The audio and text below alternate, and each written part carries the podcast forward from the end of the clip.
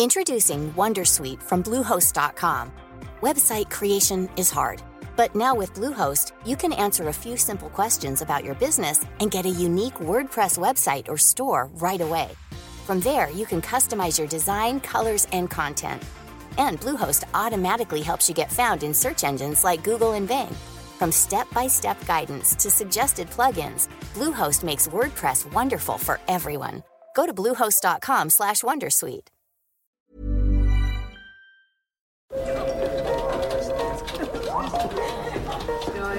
Dette er lyden av norsk næringsliv.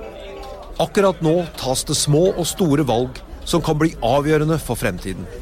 Med økonomisystemet X-Leger tas disse beslutningene basert på informasjon i sanntid, slik at drømmer og ambisjoner kan bli virkelighet. Få kontroll og oversikt, gå inn på xledger.no.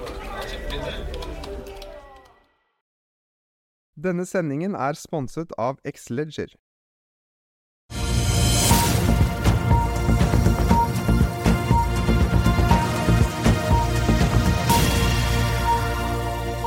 God morgen, god morgen og god mandag. Velkommen til Børsmorgen her hos oss i Finansavisen. Mitt navn er Marius Lorentzen sammen med Karl Johan Molnes på denne 5. februar, på starten av en ny uke. Vi har masse overskrifter å ta unna. Telenor tar et nytt tap i Asia. Handelsbanken og Nordea er ute med tall. Proximar Seafood advarer om en lekkasje i en tank. Oppdrettsselskapet som driver på landet i Japan, varsler om at dette vil påvirke langsiktige slakteprognoser.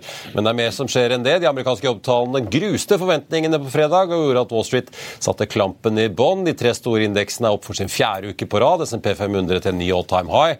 Og kvartalstallene til Amazon og ikke minst Meta ga vel det vi kan kalle en ekstatisk kursreaksjon. Sistnevnte var opp drøye 20% mens Team Cooks eh, fallende kinasalg gjorde at eplet fra Cupertino havnet i skyggen med et fall på en halv prosent. Og så følger verden spent med på uroen i Midtøsten da, og for å sparke uken i gang, så har vi med oss Delfi globalforvalter Ivar Harstveit om eh, litt.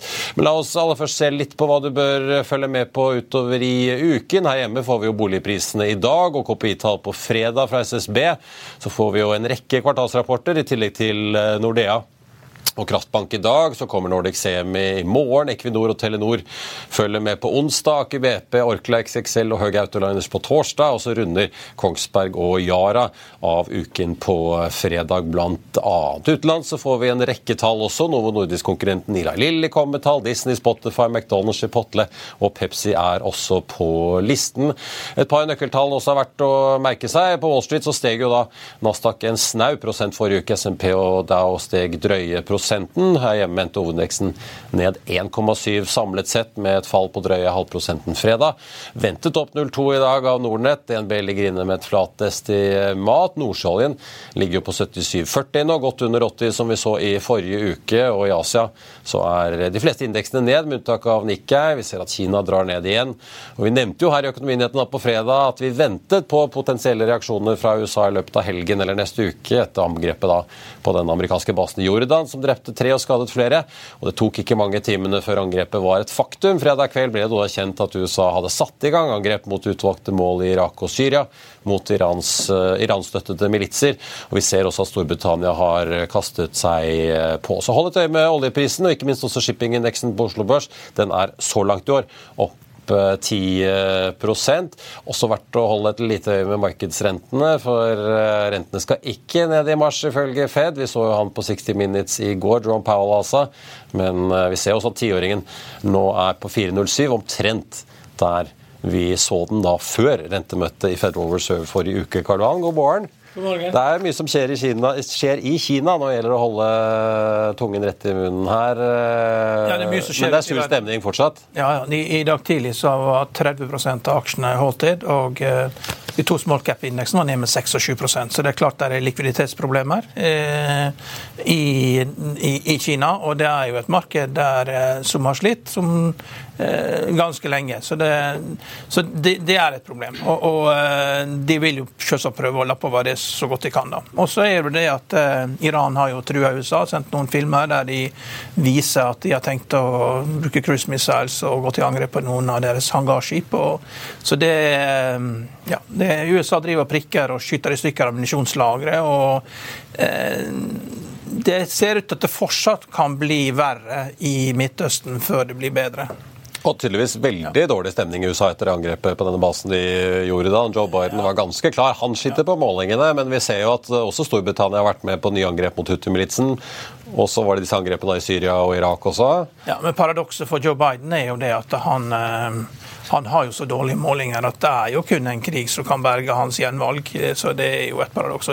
USA eh, sliter nå, for det, det, nå ser man at folk kommer ikke tilbake på kontorene, og det er massive tap i, eh, på kontoreiendommer. Det var en konferanse når Barry Stunlick som sa vel at det er en 3 trillion dollar asset class, og eh, markedsverdien har falt til 1,8 milliarder. Det er et tap på 1,2 trillion dollar som skal fordeles utover, og mye av dette er på regionalbanker. Ja og uh, så, det, så, så, så, når folk da flokker seg rundt uh, Trump, da, så er jo det et klart et, uh, et, ja, et rop om hjelp. Da. At man vil at dette skal brenne ned, slik at man kan begynne på nytt igjen. Jeg har jo skrevet også en kommentar i avisen. Jeg kom jo over et intervju med Daniel Di Martino, tidligere sentralbankanalytiker, som har Du vet jo hvordan sentralbanken tenker. Ja, i Dallas, ja, var inne og ser det at Korttidsstatistikken viser nå at eh, arbeidsledigheten den eh, steg i alle 50 statene i oktober i fjor. Og hennes erfaring er jo at de, nesten alle de men syklusen for vanlige folk det er jo når bil, når bil, bil og hus går ned, mens for de 300 mm, liksom, keynesianerne som sitter i Federal Reserve, de ser på arbeid. altså. Eh, det er arbeid som er eh, syklusen. Så når, når arbeidsledigheten stiger, det betyr at det er nedgangskonjunktur. Når liksom arbeidsledigheten stiger i alle 50 stater, og, nye ansatte, nye jobber, 25 av det var til offentlig sektor, eh, så er det Hun sier at det er nedgangskonjunktur. Når, de går tilbake og skal gjøre VAR-analysen når den begynte, så kommer de til å si oktober i fjor. Oktober 23, altså. Ja, oktober 23. At da begynte den. Og det er sånn hun, sånn hun leser de da fra og, og det, er jo, det, er jo, det som er det behagelige med å være makroøkonom. ikke sant? Når, når krasjet kommer, så, så, faller BNP med 8 og så kan du da gå ut og si ja, men det blir bra neste år. Ja. For vekst neste år. Det kommer helt bra. Så eh, økonom, eh, Vi økonomer er jo litt som prester. ikke sant? At vi, Verden skal bare gå videre, og så gjelder det bare nei, bare reise deg opp igjen, ta med det du har, og så nå skal vi videre. Det handler om å få verden til å gå videre. Det er det veldig mye arbeid handler om. Begynner å se en del nedbemanninger eh, komme. Det interessante i jobbrapporten på fredag var at det var færre antall timer jobbet i snitt, men timelønnen var jo mye høyere. Årsveksten her på 4,5% langt over det som var uh, ventet. Ja, men det, er spesielt at det er pandemi og veldig mange unge har, eh, som har bodd i byene, fått eh, barn, flytta ut, kjøpt seg hus og bil og får pendle til byen. og Så kommer nedgangskonjunktur, og skal de selge bilen, og så skal de kanskje flytte inn igjen til byen. Det, det er mye bevegelse. og når da sjøl markedet i verdens største kapitalistiske økonomi ikke helt er med det, så så kan det bli mye bråk. Og det, det er klart det er et problem når du så Demokratisk parti har alltid vært veldig flink til å ta vare på staten og de aller rikeste, og nå også illegale innvandrere. Men, men hvis, at, hvis liksom de som da er unge, og som nå sliter, føler det at eh, Demokratisk parti ikke hjelper dem, så da vil de heller at ting skal brenne ned, så du kan begynne på nytt igjen. Ja. Der, eh, det blir nok å følge med på. Ikke minst, Vi får se om eh, eiendom velter en Vi har jo fulgt med på New York Community Bank, blant annet. Vi får se om eiendomssektoren velter noen enten her hjemme eller ute. Vi har jo sett Signan heter det det Europaselskapet som gikk under her i fjor. Ja, ja. Og så har jo da uh, Svein Egil Larsen han var ute på aksjesladder nå i, uh, i, helgen og anbefalte folk å kikke på den der ETF-en e SKRE, altså short-versjonen da av regionbankene. Uh, Regionbank-ETF-en er KRE, og SKRE-ETF-en det er den du går for hvis du skal shorte. Men det er klart man må være veldig forsiktig når man kjøper sånne ETF-er, fordi man kan jo tape mye penger også når man shorter. Ja. Jeg må være veldig forsiktig. Men det, du taper ikke så mye som hvis du shorter aksjene, altså, men en, en ETF du kan tape mye penger der også.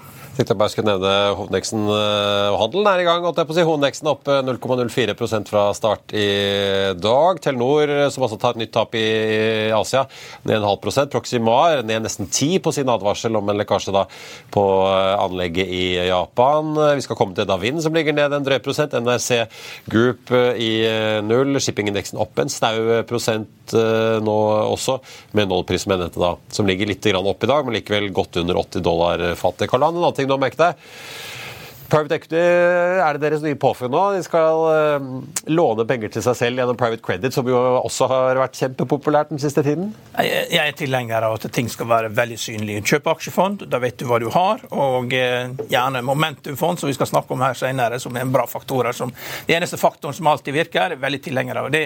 Og, og uh, sannhetsserum på det, og jeg så på nært hold når en stor institusjon, da, nesten like stor som oljefondet, der det kom inn sånn der, det man kaller smooches da, veldig sånn uh, lure typer, og skulle ha de til å begynne da, å gå i hedgefond da, med pengene. Ja, ok, da så har du 100 milliarder dollar, og så, så, går det liksom da ut en 5 milliarder dollar til disse hedgefondene, og så får ti hedgefond hver 500 millioner dollar. Og så går da Amarant, er et sånn naturgassfond, da. Det, det går konkurranse. Så viser at alle disse ti har jo kjøpt dette fondet. da. Så hva er vitsen med å, å, å ta penger ut, og så sette det ut til hedgefond, når de alle kjøper det samme, og alle går konk? Og da skjønte man det at OK, eh, separasjonen fra å eie aksjer og obligasjoner til at du går hedgefond, dette her var ikke noe lurt. Så dermed så stopper ting av seg sjøl. Men private equity er mye vanskeligere for Haspa, fordi at der oppdager ikke du at eh, ting går galt. da, for at de putter jo inn i en pose, og så ser de at Den får du ikke titte oppi før det går Du får ikke titte oppi den posen før etter du er død. Og, og, de tar jo full verdi. Selv om ting går ned i verdi, da, så charger jo de. Da, så, så formuesforvaltning, eller dem til formue, så er jo det en grunn for det. For det er jo at pengene går jo fra forvaltning til formue. Det er de som sitter igjen med pengene. Så det er jo en genial modell da, for å tjene penger av folk som ikke følger med. Så, så du kan si det sånn at eh, de, de, som har lite penger, de passer kanskje bedre på pengene sine enn de som er rike. For du skal være ganske søvngjenger for å gå på sånne ting som dette her. altså Være veldig forsiktig. Og Det er klart det finnes utrolig mange gode private equity-fond. finnes veldig mange gode eh, venturefond, men de fleste av de er helt normale, og de bare lopper de for fis. Og nå er det siste at uh, de bruker private credit til å finansiere opp ja. uh, egne ting. Ja, ja. ja. Det er mye tørt krutt i PA, har jeg hørt. hvert fall. Ja, altså, tilbake, igjen, til, tilbake igjen, enkle aksjefond. Du vet hva du eier. Sant? Du ser hva du eier. Sant? Noe som er mat. Sant? Enkle ting. Naturlig kosthold. Ikke noe kunstige ingredienser. Du Vet hva du eier hver dag. Når det, det, det enkle er ofte det beste. Ja. Ja. Telenor eh, får jeg si, er ute med en melding da, to dager før kvartalsrapporten, som kommer altså på onsdag, eh, som følge av at aksjekursen i mobilselskapet True Corporation i Thailand, selskapet som altså er et resultat av fusjonen i fjor da, mellom Telenor-selskapet Dtac og True i Thailand, har falt da fra 8,15 baht ned til 5,05 ved nyttår. Så skriver Telenor eh, nå ned verdiene som de har bokført på investeringen med 8 milliarder kroner. I tillegg så skriver de ned verdien av et lån med ytterligere nesten 700 millioner. Og Telenor skrev riktignok opp da, eller de tok en gevinst i fjor da i første kvartal på 18,5 milliarder kroner etter at fusjonen var et faktum.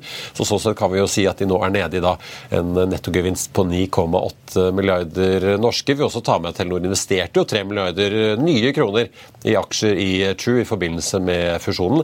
Og så understreker også Telenor at nedskrivingen er basert da på rett og slett eh, den løpende kursen i dette børsnoterte selskapet, og at dette ikke endrer planene deres eller deres syn på Thailand. Men vi vet jo også at en mulig spin-off eller børsnotering av hele Telenor Asia er under vurdering.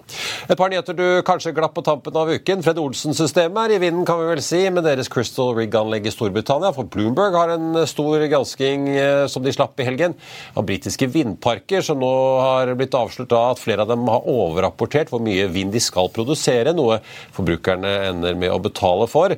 Avsløringen er basert på markedsdata og intervjuer med en rekke tradere. Og Clouet her ligger jo i at vindparker da kan få betalt for ikke å produsere på dager der det blåser for mye. Og Bloomberg hevder da, basert på deres arbeid, at vindparkene rapporterer en produksjon de aldri hadde tenkt å produsere, som de jo da en får betalt for når det blåser mye. Hver fjerde park i snitt overrapporterte produksjonen med minst 20% og Ifølge nyhetsbyrået så er det vanskelig å anslå nøyaktige beløp, men de estimerer at eh, britiske kunder, altså bedrifter eller husholdninger, har betalt i hvert fall 65 millioner dollar for mye til disse selskapene siden 2018. Selskaper som nevnes er både franske EDF og norske Federation Renewable, og de selv sier i hvert fall til Bloomberg at de tar etterlevelsen av regelverk svært alvorlig og jobber med tredjeparter for å gi anslag inn til eh, markedsplassen. Og La oss holde oss innen vindbransjen. Servicerederiet Edda Vind melder at de i første omgang nå tar ut to skip for service og utbedringer av gangbroene som de har slitt med å få til på skipene. De første to skipene, Edda Breeze og Brid, tas nå ut frem til mars, og flere skip i flåten skal da ut utover året. De har en flåte da på seks skip og ytterligere åtte under eh, bestilling. Dette vil gi bortfall av inntekter, men ikke betydelige utgifter, opplyser rederiet. Også en litt hyggeligere melding på tampen da. NRC landet en kontrakt på nesten en halv milliard i Norge. De skal oppgradere infrastrukturen på jernbanenettet mellom Hønefoss og eh, Nesbyen. Og NRC ligger fortsatt i null, får vi si. Kanskje de får en positiv reaksjon litt utover eh, dagen. Vi er straks tilbake med dagens gjest rett etter dette.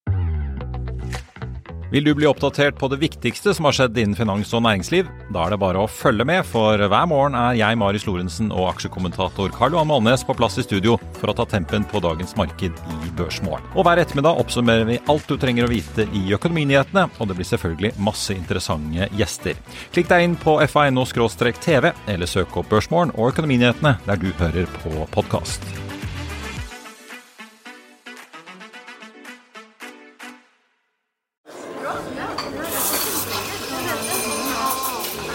Dette er lyden av norsk næringsliv.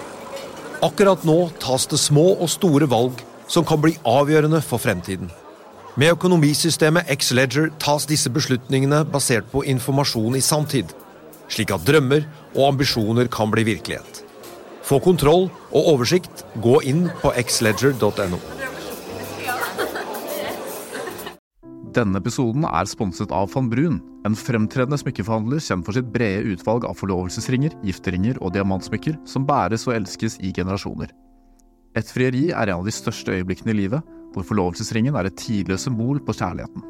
Valg av ring krever omtanke for både hvilket metall og diamant, med et bredt spekter av både naturlige og labdyrkede diamanter, og metaller som platina, gult gull, hvitt gull og roségull, hjelper de deg med å sette et personlig preg på din kjærlighetshistorie.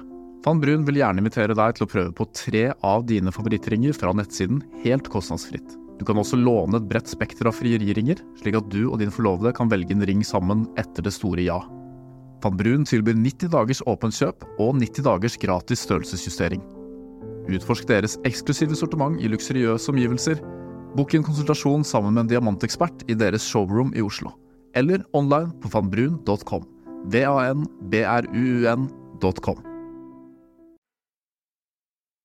Da skal vi ta han som gjorde hobbyen eh, sin til jobb. Sto det i hvert fall i vår egen avis for et par år siden, og det er jo ikke så verst. Ivar Harstveit, forvalter i Delfi Global. God morgen og velkommen. Ja, god morgen. Da får jeg si gratulerer med fredagen, for uh, dere sitter jo med en stor posisjon i Meta, og din kollega Adil Shah var jo helt i fyr og flamme på, på Twitter her utover kvelden. Men altså, Meta Facebook er opp 20,3% på én gang etter uh, kvartalsrapporten. Det ser man ikke hver dag. Nei, det var uh, ganske vill kursreaksjon, men det var jo også ganske fortjent med tanke på tallene de leverte. Så um, vi er jo selvfølgelig fornøyd med å ha det som en av våre største posisjoner. Men det er jo godt gjort etter kanonåret i fjor, hvor vi så mange av disse store tech-gigantene stige noe helt vanvittig på børsene og drev jo markedet opp. Mm. Du pleier å si, Karl Johan, du har liksom SMP 493, og så har du Magnificent 7. Fordi de løfter jo liksom nesten alene markedet, og så får du en reaksjon på toppen. Ja. Etter all den oppgangen vi også så i Meta i fjor.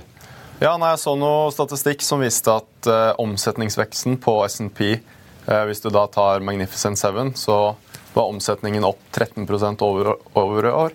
Mens for uh, SMP 493, da, altså resten, resten så var det jo opp 2 da. Men marginene var jo kraftig opp på Magnificent Seven, mens de var ned på resten. da. Så, så, sånn som med Meta, så er jo mye av dette her Det, det skyldes jo at inntjeningen går opp. da. Så disse store selskapene de tjener jo mye mer penger. og og Det er derfor de stiger i verdi. da. Um, men så er det jo også stor spredning innad i feltet da, innenfor Magnificent 7. Det er ikke ja. alle som har hatt like store estimater. Vi, vi, vi, kjenner jo til en elbilprodusent som ikke har hengt like godt med i det siste. men Uh, før vi snakker liksom om fondet generelt, da, men bare litt sånn, Dere driver jo et stort globalt fond, men dere har jo en, nesten en tredel er jo i teknologisektoren. Mm. Hvis du ser på listen over de største, så finner du jo Amazon, Nvidia, Microsoft uh, bl.a. I tillegg til Meta. Er det sånn når det har steget så mye at dere får litt høydeskrekk og tar litt penger av bordet, eller er det Ja, så man er jo Man, man, eh, man overvåker jo alltid posisjonene sine, selvfølgelig. Men vi føler oss ganske komfortable med aksjene vi eier. Og så har vi jo tatt tydelige bets innenfor teknologisektoren. F.eks. Apple, som er 5% i indeksen, den eier vi jo ikke. Mens f.eks. Nvidia og Meta er jo to posisjoner som vi har veldig tro på. da. Det, det fine med momentum at det er jo den eneste faktoren som alltid virker. Og alle bruker den. da. Så hvis du skal... Ja, For det er en forvaltningsstrategi? Ja, ja, ja. Strategi, ja. Ja, det, er, det viser at aksjene stiger sterkt og tenderer til å stige, fortsatt stige sterkt. Den mest typiske aksjen vi har hatt som har vært løftet av momentum i Norge siste tiden, er jo Nell. og Den eide jo dere, ikke sant? Fra to-tre kroner og helt opp. Hvordan styrte dere eksponeringen etter hvert så den liksom ble 20 ganger så stor i verdi? Tok dere liksom ned og vekta dere, holdt dere en konstant eh, kapitalandel? Hvordan styrte dere det liksom når den gikk fra 5 til 35, og hvor eh, liksom Når var det dere kom dere ut av dette her? da? Når er det ikke momentum lenger? Ja, ehm, det er jo sånn når du eier en posisjon og den stiger, så blir den jo større av seg selv. Så det blir jo gjerne sånn at da skal man avbli posisjoner. Men sånn i all hovedsak så selger vi jo når trenden svekkes, da. Så det vi ofte gjør, er jo enten at vi selger litt tidlig hvis vi ser at liksom kursen begynner å falle. For da ser markedet et eller annet ehm, som, som etter hvert kanskje andre også ser, da. Eller så er det på en måte, hvis man har veldig troa på den posisjonen, kanskje man ser at eh, ok, kursen svekkes litt, men inntjeningsestimatene fortsetter faktisk å gå opp. Ting går i rett retning. Så gir man kanskje aksjen litt mer tid, da. ja. Men så hovedskillet fra et globalt indeksfond, da. Hva blir det i praksis? Eh, Det er jo egentlig fleksibiliteten og det at vi ser jo etter trender. Så, sånn som nå, så er jo altså, Ting har jo vært veldig usikkert i fjor, og det er jo egentlig ikke noe mer usikkert nå. Men vi ser jo noen få tydelige trender, og det gjør det jo på en måte enkelt for oss å navigere. da. For da har vi jo eksponert oss for de trendene. Mens eh, et indeksfond er jo på en måte mer, mer statisk. da. Hvor er det dere liksom skiller mest lag med et vanlig globalt indeksfond? Uh, jeg så vel uh, i hvert fall siste fem år så er dere jo på ganske jevnt med et globalt indeksfond. Samlet sett, da. Men er det nå Jeg ser dere er ganske store i helse, men teknologi er jo stort i globale indeksfond også. Ja. Nei, så vi har, jo, vi har jo teknologi som også er stort uh, i indeks, men som sagt, vi har jo tydelige bets på enkeltselskaper. Litt andre grunner. Ja. Ja. Så, så Ja, for et indeksfond vil ha masse Apple, f.eks. Et indeksfond vil, ha, vil ha mye Apple, de vil ha mye Google, som f.eks. vi ikke har. da. Men akkurat denne fasen her må jo være den enkleste å styre for momentum, for det er så få aksjer som gjør det godt. ikke sant? Hvis du går tilbake til 2021, så var jo alt med. Det er jo den vanlige at small cap-aksjer går så de griner, og hvor skal du være, og det problemer med likviditet. Men nå har du bare noen få aksjer, og da er det veldig viktig at du gjør de riktige beslutningene for de få aksjene. og eh, Det er jo Nvidia som er den store aksjen som liksom drar dette her helt ut av proporsjoner. Så hvordan har dere behandla den aksjen? Hvordan har dere gått inn i den? Hvordan har dere ridd bølgen? Og hvordan tenker dere at dere skal ta gevinst der?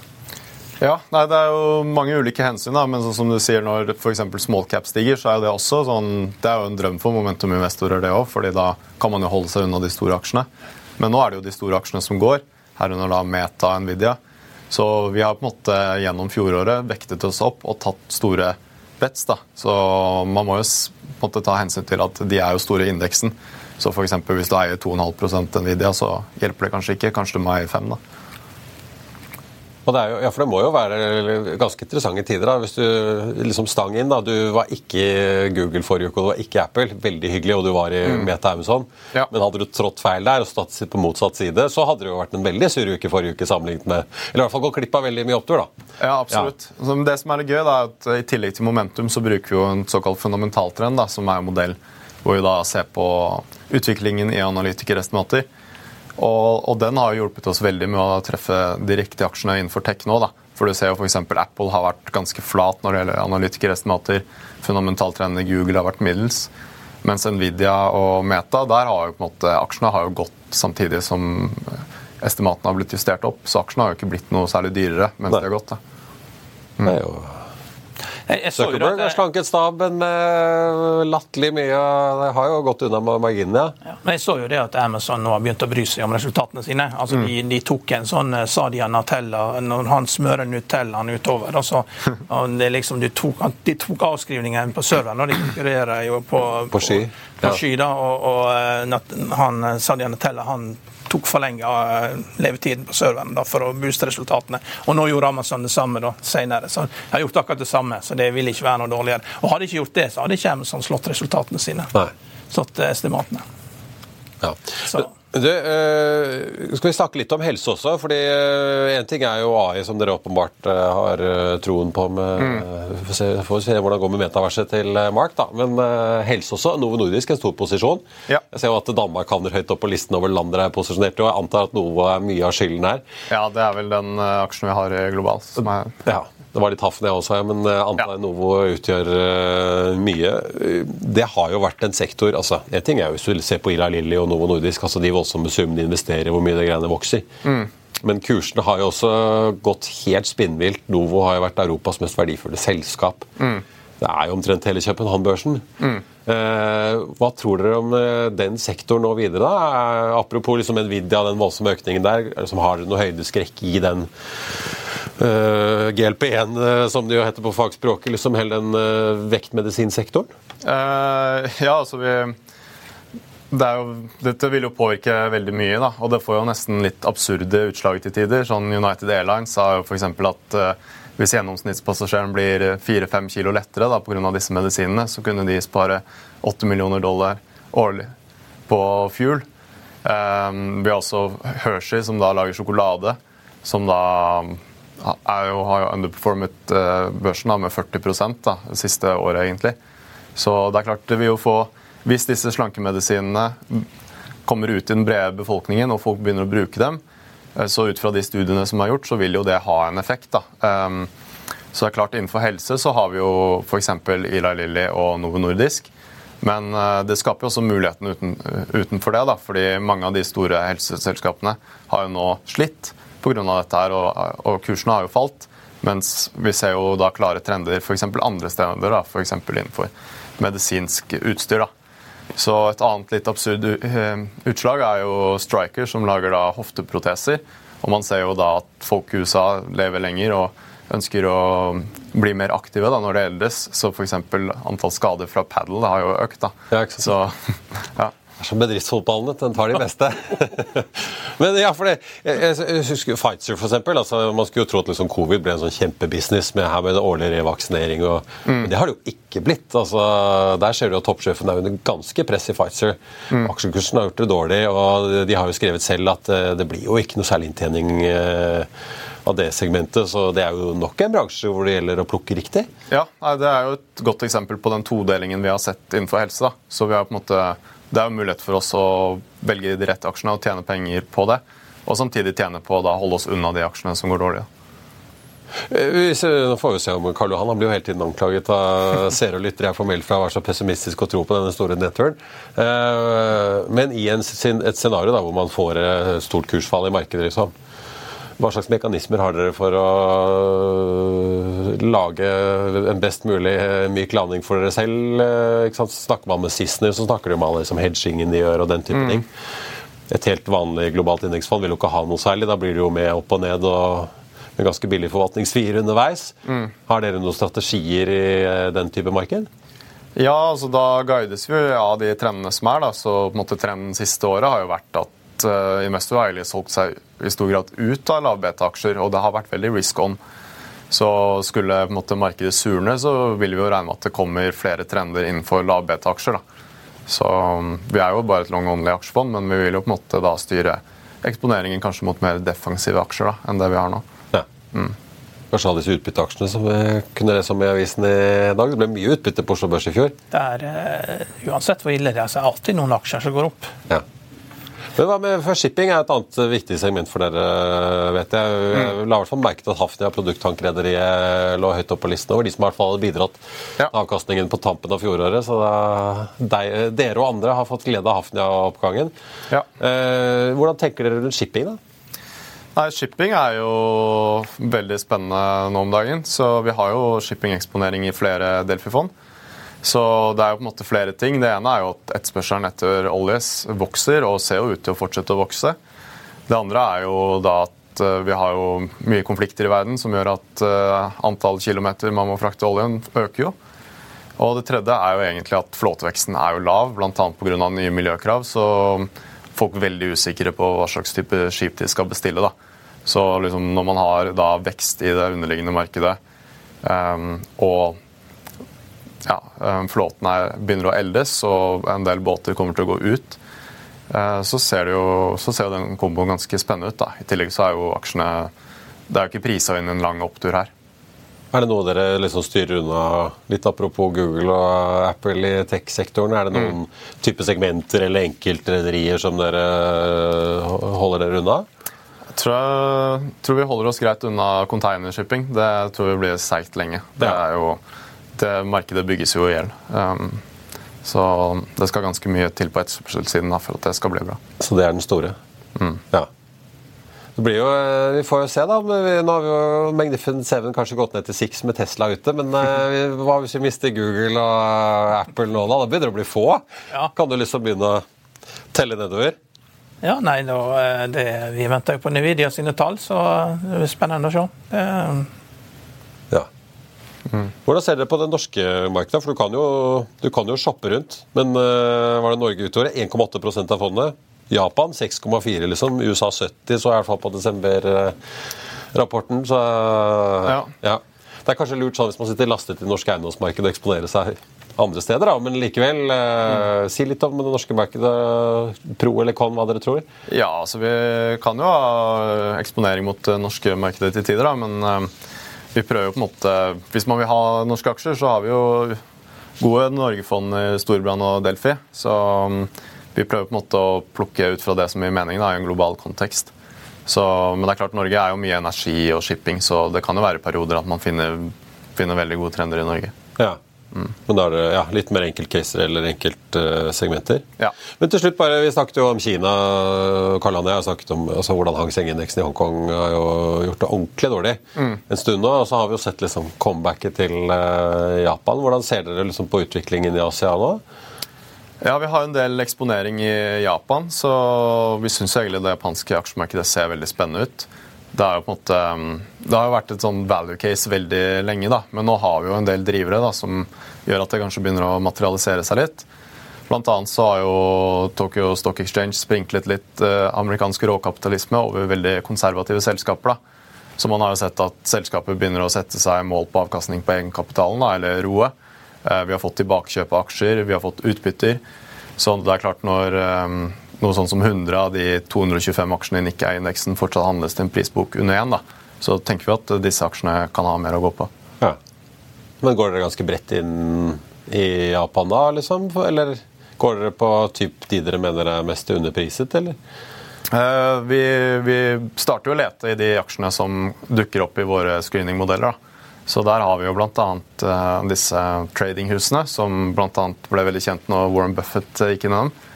Uh, ja, de fikk jo mer reklame enn alt jeg de kunne drømt om. CNBC rykket inn og intervjuet Warren på stedet. ja. Mm.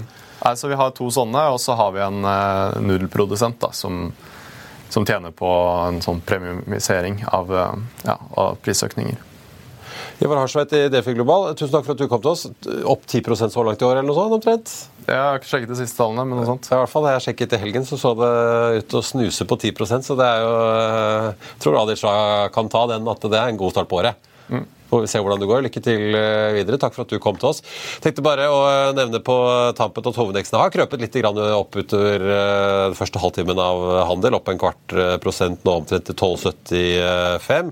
Telenor har snudd litt til pluss, men Proxima Seafood setter for en ganske tung dag da. Eddavind også ned en 3 eh, på nyheten der om at skip må tas ut av trafikk da i havvindservicerederier. Shippingindeksen har krøpet videre oppover den og ligger opp eh, nesten 2 eh, nå.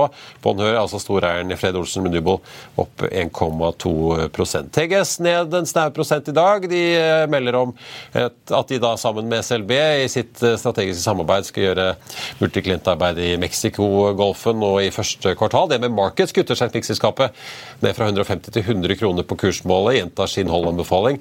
Den endte jo fredag da på 99 eh, og noe. Der ligger den eh, fortsatt. Så har vi Deep eh, Value Driller. Fikk et driftsresultat på 6,1 millioner dollar i fjerde kvartal, mot minus 13 da på samme tid året før. Så har det kommet litt flere analytikeroppdateringer det er verdt å ta med seg. Kongsberg Gruppen kommer jo da med tall på fredag. Der tar ABG og jekker opp kursmålet med en femtilapp til 550 kroner. Gjentar holdanbefalingen sin. Den endte da på 541 på fredag. ABG har regnet litt på Nell. Kutter kursmålet der fra 8 ned til 5 kroner. Gjentar holdanbefalingen. Og så er det Bakkafrost da når det oppjusterer der fra 550 til 700 kroner. Gjentar kjøpsanbefalingen. Og den endte rett under 600 på fredag. Og det var børsmålen for denne mandag 5. februar. Husk å få med deg Økonominyhetene 14.30. Da får vi med oss DNB eiendomssjef sjefen og Trygve Hegnar. Det kommer jo boligpristall klokken 11. De får du selvfølgelig på fa.no. Ha en riktig god uke alle sammen og en god mandag. Vi ses.